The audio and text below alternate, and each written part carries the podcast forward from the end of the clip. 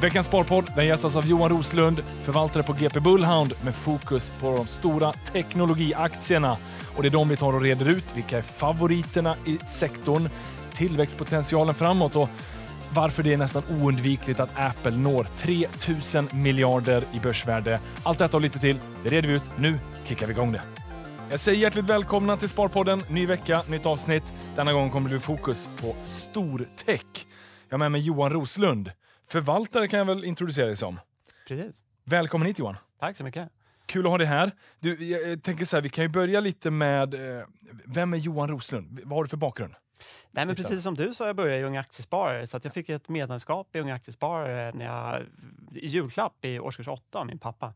Så då började väl aktieintresset. Sen så har jag eh, jobbat med lite olika branscher och senaste åren jobbat som förvaltare. Men innan det har jag jobbat med eh, investeringar i små fintechbolag, eh, varit ekonomichef på, på e-handelsbolag och, och ett SaaS-bolag. Så lite blandat inom tech, men, men alltid varit inom Men, men för mig har du alltid varit en väldigt stor börsnörd med ett mycket, mycket börsintresse. Eh, jag kommer ihåg i Unga Aktiespararsammanhang att du hade liksom memorerat hela listan på Stockholmsbörsen. och jag tänkte så här, ja, då är man ordentligt nörd om man, om man liksom har memorerat det. Eh, har du fortfarande koll på alla bolagen på börsen? Nej, men det var ju på den tiden när man hade fysiska tidningar, så jag gillade affärsvärlden. Så då liksom lärde jag mig alla börsbolag, vilken, vilken industri de var i, ungefär vilket börsvärde och sådär. Eh, så det var mer som en kul grej.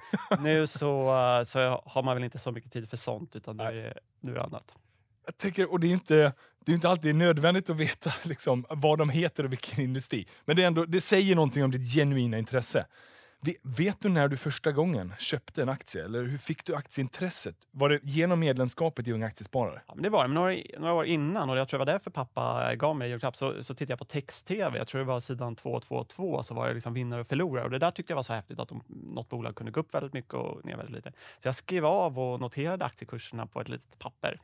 Eh, för liksom se hur det gick upp och ner. Så det var på den odigitala tiden. Oj! Och vad snackar vi nu? 10, 12, Ja, 14? något sånt där. Ja. Det var nog 8-9 kanske.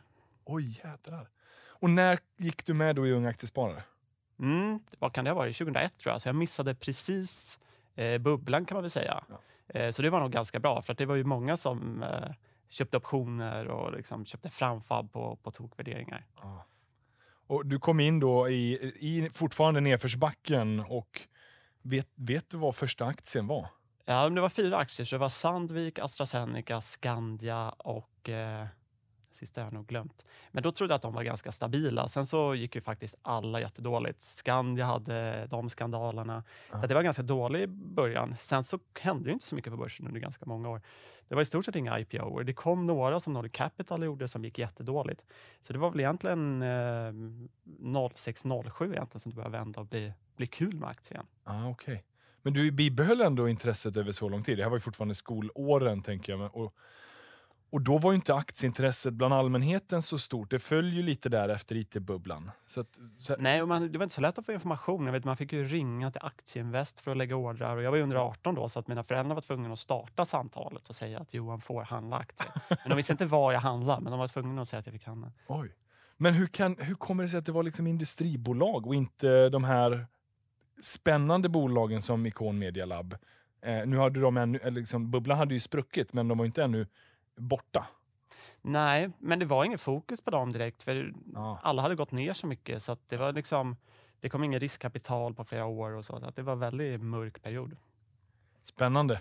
Det är, eh, nu, nu vet jag ju att du är relativt nybliven pappa. Eh, har du börjat liksom introducera aktier än? Din yngsta är ett och ett halvt år bara, så Precis. kanske lite för tidigt att göra diskonterade kassaflödesmodeller. Lite tidigt. Ja. Eller? Ja.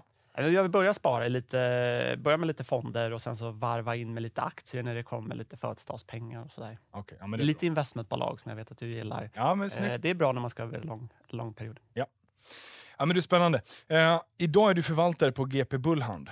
Och eh, jag tror så här att det är ganska många lyssnare som säkert har hört talas om GP Bullhound. Men, men kan inte du förklara lite, vad är det ni sysslar med? För det är inte bara fonder och förvaltning. Nej, precis. GP Bulland startades ungefär runt millennieskiftet där, så att då eh, hjälpte man entreprenörer som ville sälja sina techbolag. Eh, så då hittar man ofta köpare i de stora techjättarna som vi sen ska prata om. Eh, men sen så när, när de här entreprenörerna hade fått en stor påse pengar och ville investera i nya techbolag, då kom man på att man har ju hela det här nätverket och och branschexpertisen. Så att då startade man eh, VC-fonder som investerar i tech. Mm. Så de har investerat i till exempel Spotify och Klarna och, och sådär. Eh, sen så för några år sedan så började man även med publika bolag. För många av de bolagen som vi hade investerat i blev börsnoterade. Som Spotify, som Slack, som Unity. Ja. Och så, nu, så nu då, det är fortfarande VC-fondsverksamhet. Eh, det är fortfarande hjälper till emissionssammanhang och sådär. Precis, hjälper ja. entreprenörer att ta in pengar, ja. sälja bolag, investera, både privat och publik. Så att nu har liksom ah. cirkeln slutits. Och verksamma både i Sverige och internationellt? Vi har kontor från Hongkong till San Francisco, så vi har nio kontor totalt. Ja. Men du sitter här i Sverige och förvaltar eh, en eh, publik eller en, en vanlig UCITS-fond så att säga för allmänheten. Precis. Så man kan söka på GP Bullhand eh, Global Technology. Ah. Och eh, den, är, är det, liksom, det är primärt mot privatsparare eller är den öppen för även institutionellt kapital? och sådär? Den är öppen för alla. Ja, ja, ja. Eh, och där är det ju teknologi och det är det vi ska snacka om här. Eh, om vi börjar med så här, stortechbolagen. För, för mig är ju de, det är FANG-bolagen och sen finns det ju liksom hela periferin runt. Eh, man kan göra många nya bokstäver för att eh, liksom växla ut det där. Men de är inte bara techbolag, utan de är ju idag också de största bolagen liksom i världen. Är de så intressanta fortfarande? Går det, finns det fortfarande tillväxt där? Jag kommer ihåg när de bröt, och jag tror att det var Apple som gjorde det, en triljon dollar-marken för kanske två, tre år sedan. Och då sa man att men nu kommer det bli en paus, men nu är ju Apple över två triljoner, ja. så de har ju dubblats då på två, tre år. Så att, eh, och jag tror att det är alltid farligt att kolla i absoluta tal. Så man måste fortfarande kolla på de klassiska liksom, förhållande till vinsten. Och, eh, och de stora techbolagen värderas ju till, drar man bort kassan så är det kanske 20-30 gånger vinsten för de, de som du nämnde. Eh, så att man kan väl säga att man får Facebook billigare än vad man köper Lagerkrans eller Indutrade för i Sverige. Och, men, men samtidigt, Lagercrantz eller Indutrade eh, behöver ju inte förvärva så stora bolag för att få utväxling. Jag tänker att, eh, jag, håller, jag håller ju med dig att de här stortechbolagen har ju sån enorm tillväxt fortfarande. Eh, och även om de har stora nominella tal så kan de fortfarande växa. Mm. Men det är ändå någonstans tänker man att det ska finnas ett tak. Men det kanske, det, det kanske är en illusion att tänka att pengar är ja, finite. För det är det ju inte, har vi ju märkt. De expanderar ju. Mm. Framförallt i kristider nu. Det har ju tryckts väldigt många nya fräscha dollar och euros under det här senaste året. Uh, så för dig är det fortfarande det mycket tillväxt. Som Precis, nej, men de växer mycket organiskt. Sen så gör de ju självklart kompletterande förvärv, men eh, de här bolagen växer ju ungefär 15 till 25-30 procent om man rensar för alla coronaeffekter eller sådär. Eh, så Microsoft och Apple växer väl lite, lite det mindre häradet med runt 15 procent, vilket är otroligt för så stora bolag. Eh, kollar man Amazon och Facebook så är det över 20-25 procent som de växer. Ja. Men, men, varför jämför du det just med Lagerkrans och Adtech eller Indutrade? Nej, man ska, inte, man ska inte ställa aktier mot varandra så här riktigt. Självklart gör vi det som förvaltare, men ja. Eh, jag tycker ändå att det är roligt att notera att... Eh, men bara top liksom, of mind, varför var när du köp, Nej, men när du köper någon skruvfabrik, någon ja. småstad, liksom, så, så får det en högre multipel. Det är självklart, de gör lite ett arbitrage, men det kan man också fråga sig hur länge det är hållbart. Eh, ja, men så är det ju. De här serieförvärvarna har ju varit eh, eh otroligt populära. Mm.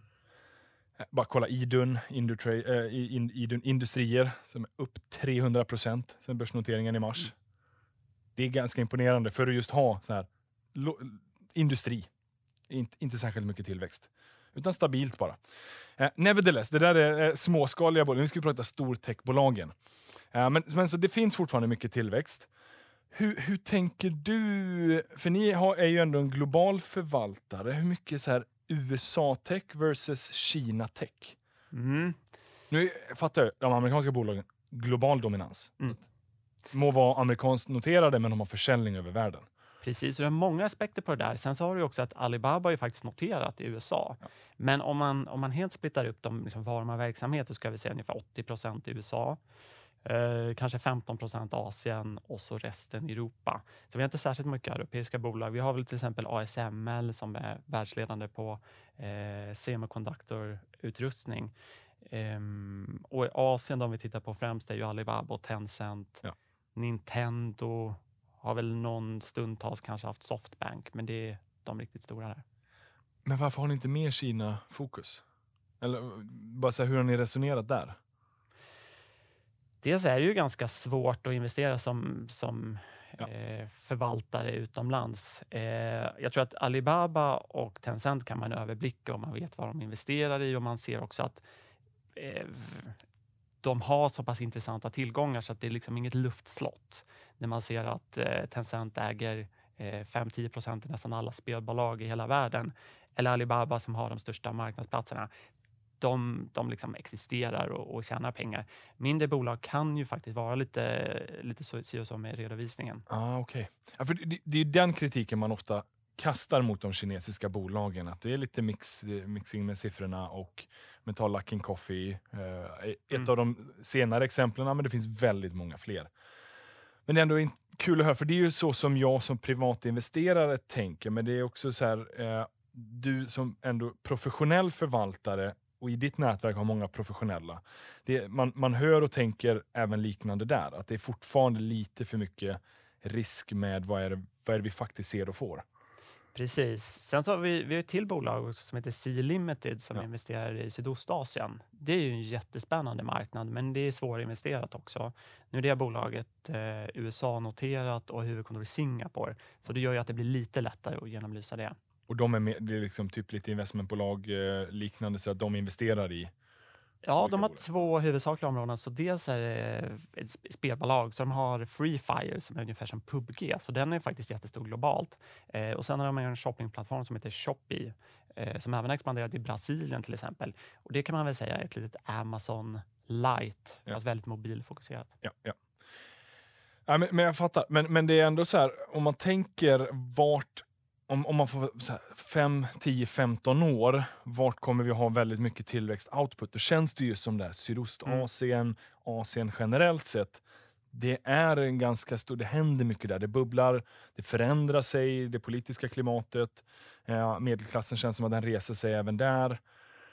Så är det ändå så här en tanke för er att ni vill exponera er där och ni får det via de amerikanska bolagen istället? Eller, eller hur resonerar ni ens top-down? Eller? Nej, vi gör inte så mycket från ett Nej. makroperspektiv utan väldigt mycket från de här temana som vi har valt. Och då till exempel cloud är ett tydligt tema. Mm. Eh, och det kommer vi, vi eh, i Alibaba och Tencent har de faktiskt cloud-plattformar mot Asien, eh, främst i Kina. Då. Men till exempel Amazon och Microsoft, deras cloud-plattformar används ju av eh, sydostasiatiska bolag också. Ah, så jag tror att det är svårt att investera i lokala spelare för att nå de här, för att det är sådana skalfördelar. Så visst, man skulle kunna tänka sig att investera i vissa, men det är så mycket mindre risk att investera i de här globala. Ja. Om vi tar det temat, cloud. Mm. Vad är det ni ser där? Det är, det är, så, det är så många fler bolag, eh, privatpersoner och så vidare som ska upp i, i molnet, bli mer digitala. Då har du Amazon Web Services, eh, Microsoft, deras lösningar. Det, det är där ni ser mycket tillväxt. Precis, det är egentligen tre spelare och att tillväxten drivs så mycket är att man, eh, det blir mer och mer data. Man ja. ser ju bara själv hur mycket eh, filmer och videos och liksom AI och liknande kräver ju så mycket datamängder. Eh, samtidigt så behövs det säkerhet, det behöver snabbhet. Eh, så, så gamla aktörer som lagar det lokalt, det, liksom, det går inte längre.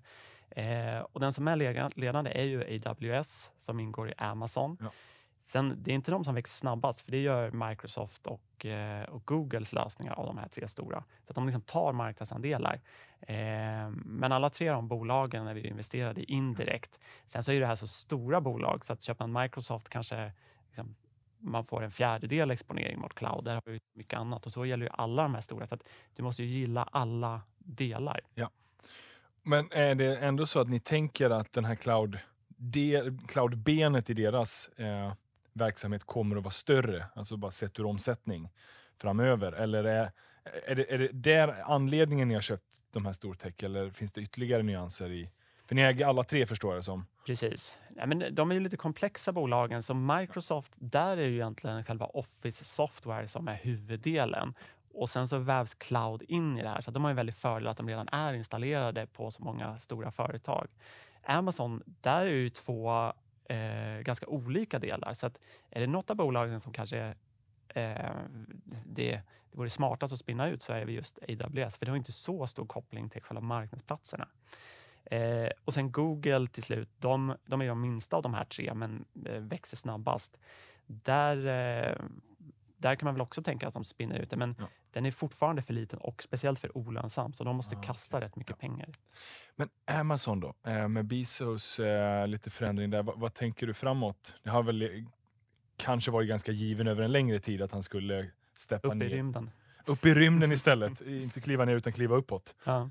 Uh, men han, han, kommer ju ha otroligt mycket inflytande ändå känns det som. Uh, mm. Men vad tänker du där? Vad, ser du ändå någon förändring organisatoriskt i Amazon? Jag tror det kan vara bra egentligen att grundarna blir mer av en galjonsfigur och ja. kanske styrelseordförande eller liknande. Det ser man ju i Alphabet att de har ju faktiskt fått upp sin värdering när grundarna har tagit ett steg tillbaka och mer uh, håller med strategi och, och man har en vd som är mer affärsdriven. Så det tror jag bara kan vara bra för ja, ja. För det är ju ändå otroligt imponerande hur länge Bezos har varit med och, och hans vision hur, eh, hur egentligen ganska liknande den är fortfarande för vad han hade en gång på 90-talet. Mm. Otroligt klarsynt och sen bara hållit sig till det där. Mm, eh. Investera för tillväxt och ja.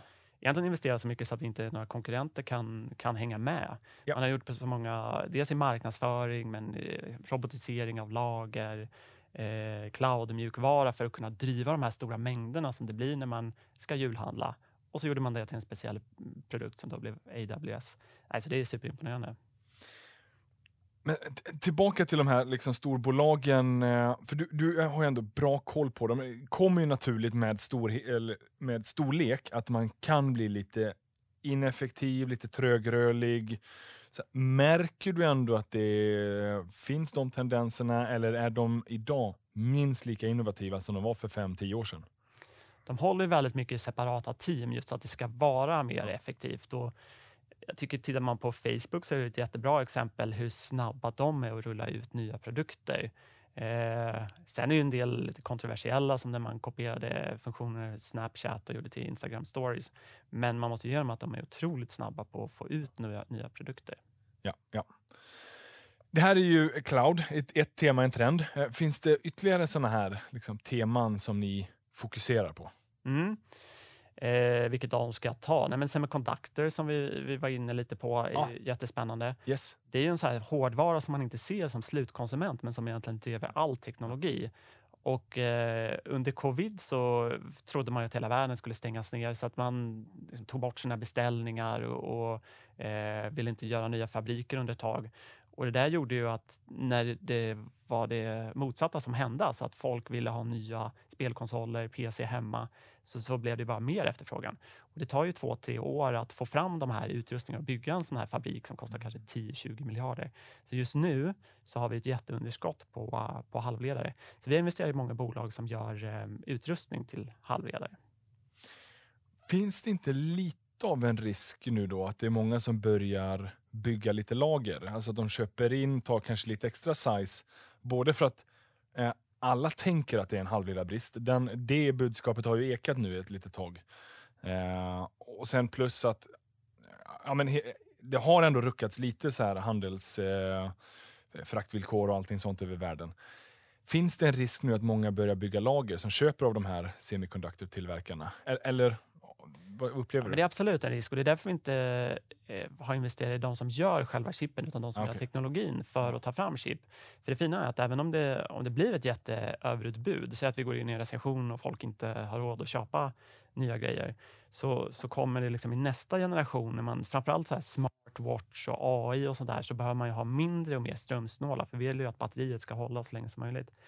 Och då kommer man ner på mindre chip, alltså 5 och 3 nanometers. Och då behöver de här tillverkarna köpa ny utrustning för att kunna göra de chippen. Så att därför kommer det vara en väldig efterfrågan i flera år framöver på teknologin. Och vilka är bolagen som ni använder för exponera? Ja, I Holland så är det ASML. Ja. I USA är det tre bolag, så det är Lam Research, KLA och Applied Material. Så vi har liksom en korg av dem, så att vi har ungefär lika stor viktning alla. Och, och vad mer specifikt är de? För det, alltså, säg då Taiwan eh, Semiconductor eh, Manufacturer, det är ju den Mm. stora som många, de producerar. De producerar, så de köper in den här teknologin Ja, från de här fyra bolagen Ja. eh, och så bygger de en fabrik och så är de jätteduktiga på att liksom spotta ut chippen. Men de behöver de här i bakändan som gör själva eh, maskinerna helt Ja, enkelt. de leder utvecklingen och, och förminskar dem, effektiviserar dem och mer output och sådär. Ah. Precis. Ah, okej, okej, okej. Men, men märker du ändå att det börjar bli lagerbildning eller eh, eh, ins, liksom att oavsett vad, om det blir lagerbyggnad eller om vi nu har fortsatt eh, brist på det, så är de vinnare i båda leden? Just nu ser man ingen lagerbildning. Det kommer ta flera år innan man ens kommer Okej. ikapp. Om man ser det i bilindustrin. Bilindustrin har väldigt stora chip som inte... De har ju hur mycket ström som helst, för de har ett bilbatteri. Det är ju ingen som vill producera dem för att det, man får så lite betalt. Så att det, det kommer vara brist både på dyrare chip och på billigare därför. ah, okej, okej. Den är spännande. Hade vi någon ytterligare tema? Trend? Men vi kan prata lite gaming. Vi var inne på Ja, gaming. Yes. Tencent. yes. eh, som ju äger väldigt mycket olika spelbolag i hela världen. Så de har Activision och eh, League of Legends heläger de. Eh, Supercell i Finland heläger de. Sen har de ju också känns nästan så vad de än tar på så blir det ganska bra. Ja, men de har ett jättestort nätverk Ja. av eh, spel, eh, liksom, som har investerat i spel jättelänge som besöker och scoutar spelstudios över hela världen. Så de är väldigt tidiga och investerar i studios, till och med innan de kanske får en hit. Och det var så de kom in i Epic till exempel, som gör Fortnite, Ja eh, som de äger väl nästan 40 procent. Eh, men att de här är så intressanta tycker jag är att man kan köpa dem till väldigt rabatt. Så jag var inne lite på investmentbolag förut och i Sverige så har ju rabatterna försvunnit. Det är ju premie på de flesta bolag. Eh, men då Prosus, som också är noterad i Holland, precis som ASML. Eh, det är en lång historia, men de äger i alla fall 30 procent av Tencent. Det var först ett sydafrikanskt bolag som gjorde investeringen för länge sedan. heter Naspers. Ah, Naspers, ja. Just det. Ja, och många brukar ju säga Napster som spelbolagen, men, spelbolaget, men eh, Napster heter, Nasper heter de. Och de har ingen koppling de där två? Nej, Nej, nu blev det jättesnurrigt. Ja. Men vi skär bort den där sydafrikanska delen, så Ja. har vi i alla fall den här posten ligger i det holländska bolaget och där har rabatten bara stigit och stigit och stigit. Men Det vänta är nu. 45 procents rabatt på Tencent-posten och så Aha. äger de en massa andra spännande bolag, eh, bland annat Deliver Hero som äger Foodora. Ah, okej. Så det här holländska bolaget, av deras portfölj är 30% Tencent. Det är inte så att de äger 30% av rösterna i Tencent? Det kan man tro, men det sjuka är att de äger faktiskt 30 procent av What? Tencent. De ägde 33 procent för ett år sedan, men de har sålt då 3 procent. Eh, och de pengarna har de tagit och köpt till exempel Stack Overflow som är ett, Ja. eh, ett intressant bolag som om man vill rekrytera programmerare och så. Ah. Men så det är ett otroligt, det är faktiskt Europas största techbolag som nästan ingen känner till. Nej, jag hade ingen aning. Jag är helt... Nej. Och de har 130 miljarder euro i market cap, så det är ett jättestort bolag. Jag kände till eh, liksom Naspers, Mm. men hur, hur, vad var det som hände där då? Varför är de inte syd, eh, Sydafrika längre? Eller vad är kopplingen där? Nej, Kan man problem- fortfarande köpa Naspers i Sydafrika? Det kan man göra. Om man kan det? Okej. Men ja. problemet var så här att när Tencents börsvärde gick upp jättemycket så var ju den här 33, då var det kanske 35-procentiga posten. Ja. Den gick ju upp ungefär lika mycket. Det är bara det att den sydafrikanska börsen är inte så stor. Så att helt plötsligt så stod det för kanske 30-40 procent av börsvärdet. Och fonder får inte ha mer än 10 procent i ett bolag. Så att när Tencent gick upp och Naspers gick upp så var de tvungna att sälja då aktierna för att inte bli överviktade. Och det gjorde att substansrabatten bara ökade. Så det var ungefär 50 procent ett tag. Så då noterade man den här delen i Holland och till en början hade den bara bra, kanske ty- 20 procents investmentbolagsrabatt. Men nu har den alltså gått upp på sistone för, ja, men det är väl lite som en maktrabatt kanske. Ehm, för att det är ju, det är ju liksom ägt av det kontrolleras ju av några individer i Sydafrika, en komplicerad struktur och ledningen har väldigt mycket makt. Men det kan man väl säga att industrivärlden hade förut också. Ja. Nu är den lite uppsplittrad med Fredrik Lundberg och så, men ska man dra paralleller till det så tycker jag att rabatten är i alla fall alldeles för hög. Den kanske skulle vara 10-15 procent och inte... Men den mekanismen finns inte här i Europa då, att förvaltare måste sälja av... Eh, det är väl fortfarande om 10 procent? Liksom, ja, för nu ligger den i Europa-index och liksom holländska index och då har man ju alla andra europeiska techbolag, så då blir det ju bara en... Även om det är den största så är det en... Det blir inte samma effekt? Nej. nej. nej. Konstigt att man inte känner till det eller hört talas om det mer. Men eh, nej, så är det ibland. Och det är ju ett europeiskt bolag. Är det, men så att ni inte hade så mycket europeisk exponering. Eh, det är typ den exponeringen ni har då, eller? Räknar ni mer sådär, vart är eh, den Precis. Så den, ursprungliga exponeringen? Den räknar vi egentligen som Kina eftersom ja, det är du betalar ju inte ens för Tencent-posten och så får du allt annat gratis. Så ah, vi räknar den som Tencent. Ah, okay, okay. Den är spännande. Eh, det är, påminner lite om Spiltan investmentbolagsaktien här i Sverige där det också fortfarande finns lite rabatt. Uh, men, men uh, spelsektorn, har ni mer exponering eller tänker ni sådär Tencent, där får vi ganska mycket. De, de har rätt bra spridning över världen. Från tid till annan så har vi haft eh, Activision ja. eh, i fonden de svenska bolagen så börjar vi väl, vi tycker väl att Embracer nästan börjar komma upp ja. i det börsvärdet så att, vi, så att vi kan börja ta in den i fonden även med den strategin. Eh, och de har ju, de gör ju ett superbra jobb. Ja. Eh, så att den skulle man kunna tänka sig att ta in. Och är det ett problem att de är First North-listade för er? Eller, för det är en sån här, jag vet inte om det är en myt eller inte, men man säger ju ofta att ah, så fort de kommer in på Stockholmsbörsen så får fonderna börja handla. Men jag upplever att det är rätt många idag som har ändå ganska breda mandat och kan handla även First North. Det är inte sånt big issue längre. Eller nej, är det det? Nej, för oss är det inte det. Nej. Det kan säkert vara vissa fonder som har det. Ja, kanske det då.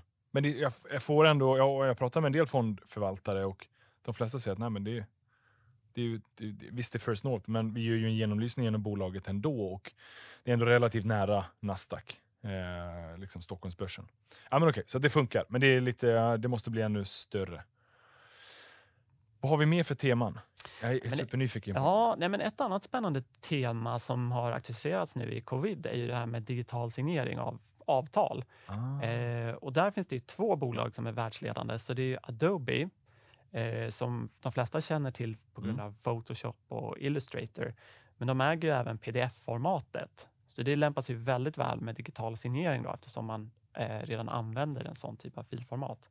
Vänta nu, de äger pdf? Mm, Ja, vad betyder det? Varje gång, någon, varje gång Word ska generera en pdf så får de en, betala en kickback till typ Adobe? Ja, det är väl lite som open source, men de äger ju Acrobat Reader, ja, just de här, ja, ja. Eh, som man öppnar dem i.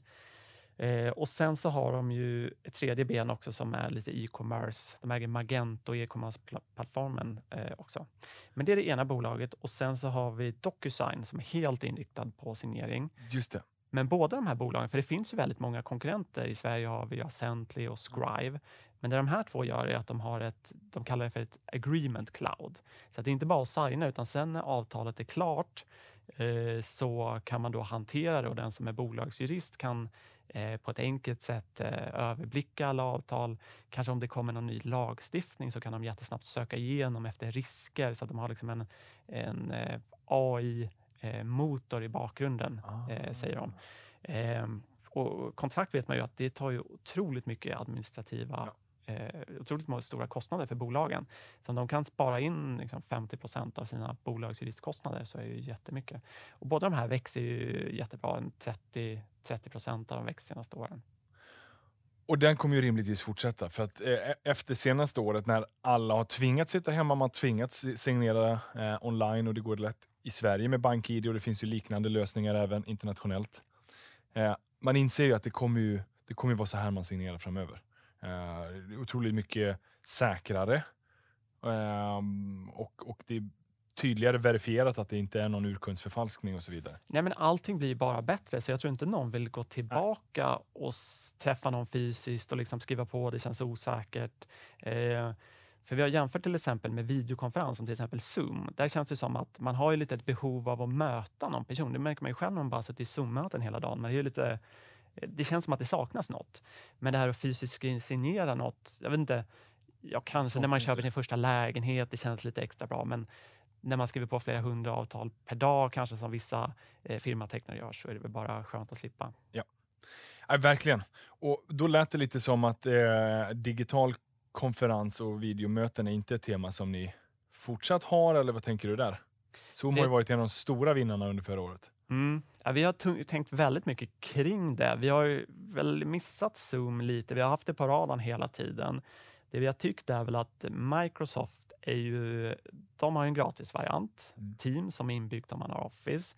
Eh, Google har ju till och med en open source-variant som man kan köra direkt i Chrome, eh, som är gratis för alla att använda. Eh, Apple har ju sin, även om inte den är så företagsinriktad. Så alla stora bolag har ju sina egna lösningar. Sen är det ju klart, Zoom har ju den bästa produkten. Men det är ju ingen direkt eh, switching cost. Alltså, Nej. det kostar ingenting direkt att byta. Det är inte som ett redovisningssystem som tar flera år av upplärning, utan det är bara att skicka ut en annan länk till den du ska eh, prata med. Så att vi är lite, lite avvaktande mot Zoom, även om vi, vi tycker verkligen att det är den bästa produkten. Så att, Jag får inte riktigt heller huvudet eh, eller grepp på det där. Vi använder Zoom jättemycket. Eh, Men det är precis, jag använder också många av de andra ganska mycket. Jag upplever att Zoom är lite smidigare, men det är inte så avgörande. Men det var väl just det där att många företag de bara liksom fick panik i mars, april förra året. Bara greppade det första och bästa de kunde hitta. Och, Zoom var ganska bra positionerat då. Mm. Och sen lyckats väl och skala det och fortsatt ha bra, eh, eh, högt upp på radarn för många under året. Precis. Och som stora styrka är när man har stora möten, alltså tusentals personer. Jag pratade med, med Sinch till exempel de har ju en egen lösning för videokonferens. Eller egentligen är det ju video mellan två personer. Och det sa de att det är väldigt enkel teknologi när du bara sätter ihop två personer. Men problemet växer exponentiellt med antalet de- deltagare. Så har du tusen deltagare som alla ska prata så måste du synka video och ljud från alla de här platserna på, över hela jorden. Ah. Och då blir det enorm komplexitet att få det utan, utan att det laggar eller bryts eller sådär. Ja. Det är deras stora fördel. Ja, det är sant. Ja, jag, det, man, bara, man, man själv har noll koll på teknologin utan bara sitter på andra änden av det. Eh, en sak däremot de fortfarande inte har löst, det är ju när man ska försöka sjunga eh, koordinerat i ett Zoom-samtal. Där, testa och gör det. Eh, det går inte. Av någon anledning så går det inte. Det blir, eh, man, man, man tappar efter på något sätt. Jag vet inte, har du någonsin testat det? Nej, alltså jag trodde att du menade att videon hoppade, men det är alltså när man, om man recordar så Om- blir det osynkat? Eller? Nej, är det nej, nej, nej, nej, utan om eller? man sitter i ett Zoom-samtal och någon Ja. fyller år och så ska Ja. man sjunga liksom, Jag må ha leva. Testa att sjung det koordinerat. Fem stycken mot, för en person, liksom, via, alla sitter via Zoom. Nej, Det kommer inte gå. Det där, skulle jag, det där kommer jag testa direkt jag kommer hem. Ja, det får du göra. Jag vet inte varför. Vi har, och jag vet inte heller varför vi insisterar på att vi också ska sjunga för varje, när de fyller år, via Zoom. Eh, det går inte alls bra. Nej. Men den, den känns lite sådär konstig att de inte har löst det. För, men det är någonting kanske med att ta ton via eh, det. Det är där det börjar liksom försvinna. Det är lite nischat, så att jag tror inte det är den största knuten för dem att lösa. Men jag har ändå, ändå observerat att det är svårt. Men det är ett tema som ni inte hakat på. Är det, finns det andra ytterligare sådana teman som ni kanske önskar att ni hade varit mer närvarande men ändå är på radarn lite nu? Eh, som ni inte har hoppat på? Jag vet inte så här, eh, nu pratar vi spel, men om vi tar iGaming till exempel. Nu vet jag inte, det är, många fonder har ju det som ett big no-no. Eh, Vi med. Okej, eh, och, eh, både de privata och publika. Och jag tror de senaste åren så det är väldigt svårt att resa institutionellt kapital okej. när man har gambling. Ja. Så att vi har inte... ESG-aktigt då? Liksom allting hållbart har ju också varit eh, under stor del av förra året väldigt, väldigt hett. Nu är det väl lite sådär, eh, nu har det, en del av värderingarna kommit ner lite. Men, men ni, har inte, ni har inte det som direkt fokus, men är det ändå någon form av parameter ni kikar på? Eh, ja, det gör vi. Alltså de stora techbolagen jobbar ju väldigt mycket med hållbarhet. Man ser Apple är superduktiga och visar på varje telefon var, liksom, att det är återvunnet och så vidare. och Så vidare. Eh, så att de gör ju mycket, eh, mycket där. Sen är, det är inte vi är ju ingen ESG-fond så att vi bara investerar i det. Eh, men vi har absolut som en parameter och är det, är det klart o-ESG-aktiga bolag så investerar vi inte om det är något Nej, nej, nej men jag fattar.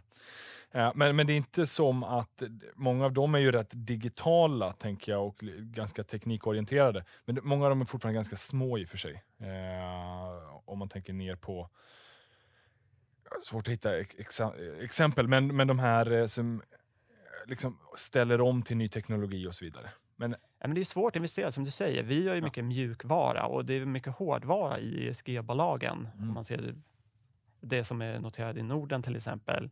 Eh, det finns ju en del bolag som gör mjukvara till exempel för att eh, se sin supply chain så att alla sköter sig där.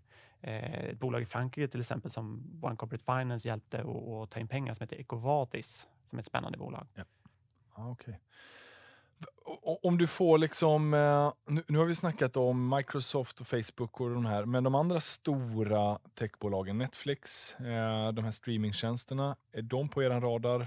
Vi ägde dem i början av pandemin, Ja. så vi är inte, vi är inte en fond som liksom kastar ut alla bolag och, och köper nya varje år, så där. men vi, vi har ju en aktiv förvaltning där vi liksom lyfter ut en del av de här. Så Vi det är en ganska koncentrerad fond, så ungefär 25 innehav.